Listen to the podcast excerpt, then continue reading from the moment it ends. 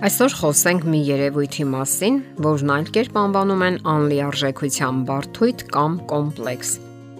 Այդ երևույթը անհամարցակությունն է։ Այն տարածված է երիտասարդների մոտ եւ ոչ քիչ դեպքերում խանգարում է բնականon կյանքին։ Նրանք չեն կարողանում ընտրել իրենց սիրելի աշխատանքը, քանի որ չեն կարողանում մեծ կոլեկտիվում շփվել մարդկանց հետ։ Այս երևույթը խանգարում է նաեւ ուսանելու ժամանակ։ Իսկ եթե շարունակվում է նաև հասուն կյանքում, դա արդեն լուրջ հիմնախնդիր է։ Ահա թե ինչու հարկավոր է արդեն երիտասարդական տարիներից գիտակցել այդ թերությունը եւ միջոցներ ձեռնարկել դրանից ազատագրվելու համար։ Նկատենք սակայն, որ շատ նշանավոր հայտնի մարդիկ են կյանքում երկչոտ կամ անվճռական եղել։ Հիշենք նրանցից մի քանիսին. Սթիվեն Քինգ, Լև Լանդաու, Ալբերտ Էյնշտեյն Նրանք խոստովանել են, որ տարապել են երկչոտության բարթույթով կամ հիմնախնդրով, սակայն նրանցից յուրաքանչյուրը գտել է այդ հիմնախնդիրը հաղթահարելու սեփական եղանակը։ Հարկավոր է ընթառաջ գնալ վախերին Նոբելյան մրցանակակիր ֆիզիկոս Լև Լանդաուն շատ էր տարապում սեփական երկչոտության կամ ամաչկոտության բարդույթից։ Նրան հաճախ թվում էր, թե մարդիկ անընդհատ իրեն են նայում, տեսնում են, թե նա ինչքան դանդաղաշարժ ու կաշկանդված է եւ գաղտնի ծիծաղում են իր վրա։ Նա որոշում է, ինչպես ասում են, սեպը հանել սեպով, ընթառաջ գնալ այն բանին, ինչը վախ է ներարկում իրեն։ Նրա կյանքից այսպիսի պատմություն են պատմում Նա մոտենում է ինքնավստահ տեսքով մորուքավոր մի անznավորության եւ սիրալիր տոնով հարցնում. «Խնդրում եմ, պատասխանեք մի հարցի»։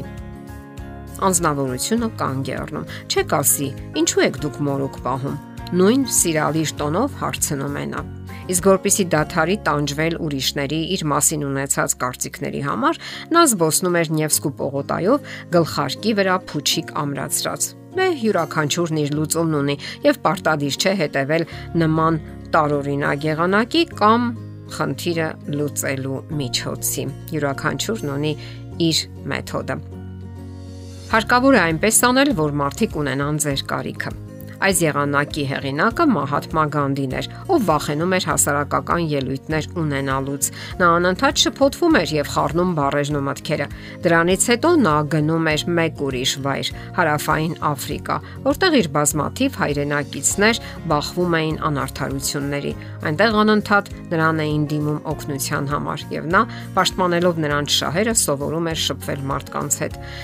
Արդյունքում ձեռք բերեց խոր փորձառություն եւ նույնիսկ հաստատվեց իր առաքելության մեջ կարիքավորներին օգնելու առաքելության։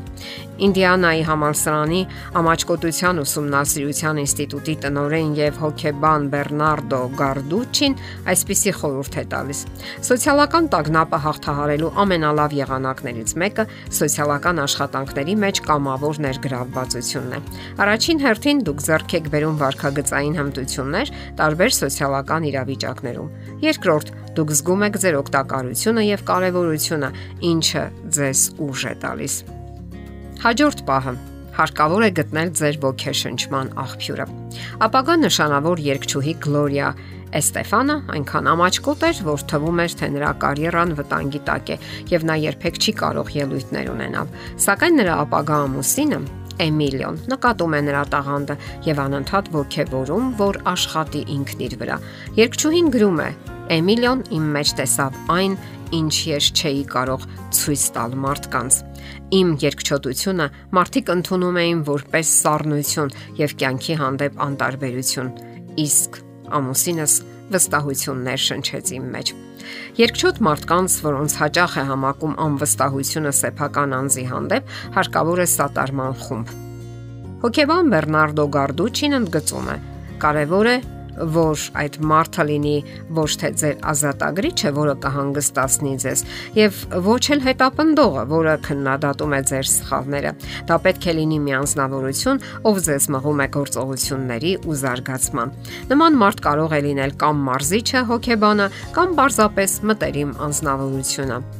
իսկ ավելի հաճելի կլինի, որ այն լինի ձեր ամուսինը եթե ամուսնացած եք։ Իսկ ահա գիտնական Թոմաս Էդիսոնի, նկարիչ Պիկասոյի, երաժիշտ Ռեյ Չարլզի համար նման ոգեշնչող անznավորություն է հանդիսացել նրանց մայրը։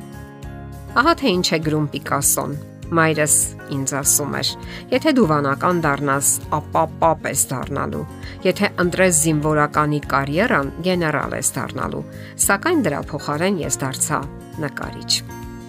Հաջորդ պահը՝ պետք չէ ժամանակ տալ կասկածներին։ Իր հարցազրույցներից մեկում նշանավոր գրող Սթիվեն Քինգը ասում է. Դուք կարող եք միլիոնավոր կասկածներ գտնել ձեր անձի հանդեպ, Եթե ես արագ եմ գրում, գրի առնելով տեսարաններն այնպես, ինչպես նրանք միտքս են գալիս, միայն ստուգելով անուններն ու կերպարների կենսագրության, անունները եւ էական պահերը, ապա ինձ հաջողվում է պահպանել նախնական ոգեշնչվածությունը եւ միաժամանակ խուսափել իմ հանդեպ կասկածներից, որոնք պարզապես հարմար պահի են սպասում։ Հաջորդ պահը՝ մտածեք ուրիշների մասին, այլ ոչ թե ձեր Ամերիկայի պրեզիդենտ Թեոդոր Ռուզվելտի կինը Էլեոնորա Ռուզվելտը նույնպես ամբողջ կյանքում տարապում էր երկչոտության զգացումից, սակայն նա կարողանում է հաղթահարել այն օգտագործելով կարեկցանքը որպես մարդկանց օգնելու միջոց, նաև որպես իր ուժեղ կողմ։ Հոկեբան Սյուզան Քեյնը համարում է, որ այդ ձևով է Էլեոնորա Ռուզվելտը իր զգայականությունը վերափոխել այլասիրության Թե ինչ համարցակ քայլեք կյանքի արահետներով, ձգտեք լավագույնին, մտածեք նաև Աստծո մասին, որովհետև մեր վստահությունը ի վերջո Աստծո վրա է։ Եղեք համարցակ։ Եթերում է ճանապարհ երկուսով հաղորդաշարը։ Հարցերի եւ առաջարկությունների համար զանգահարել 033 87 87 87 հեռախոսահամարով։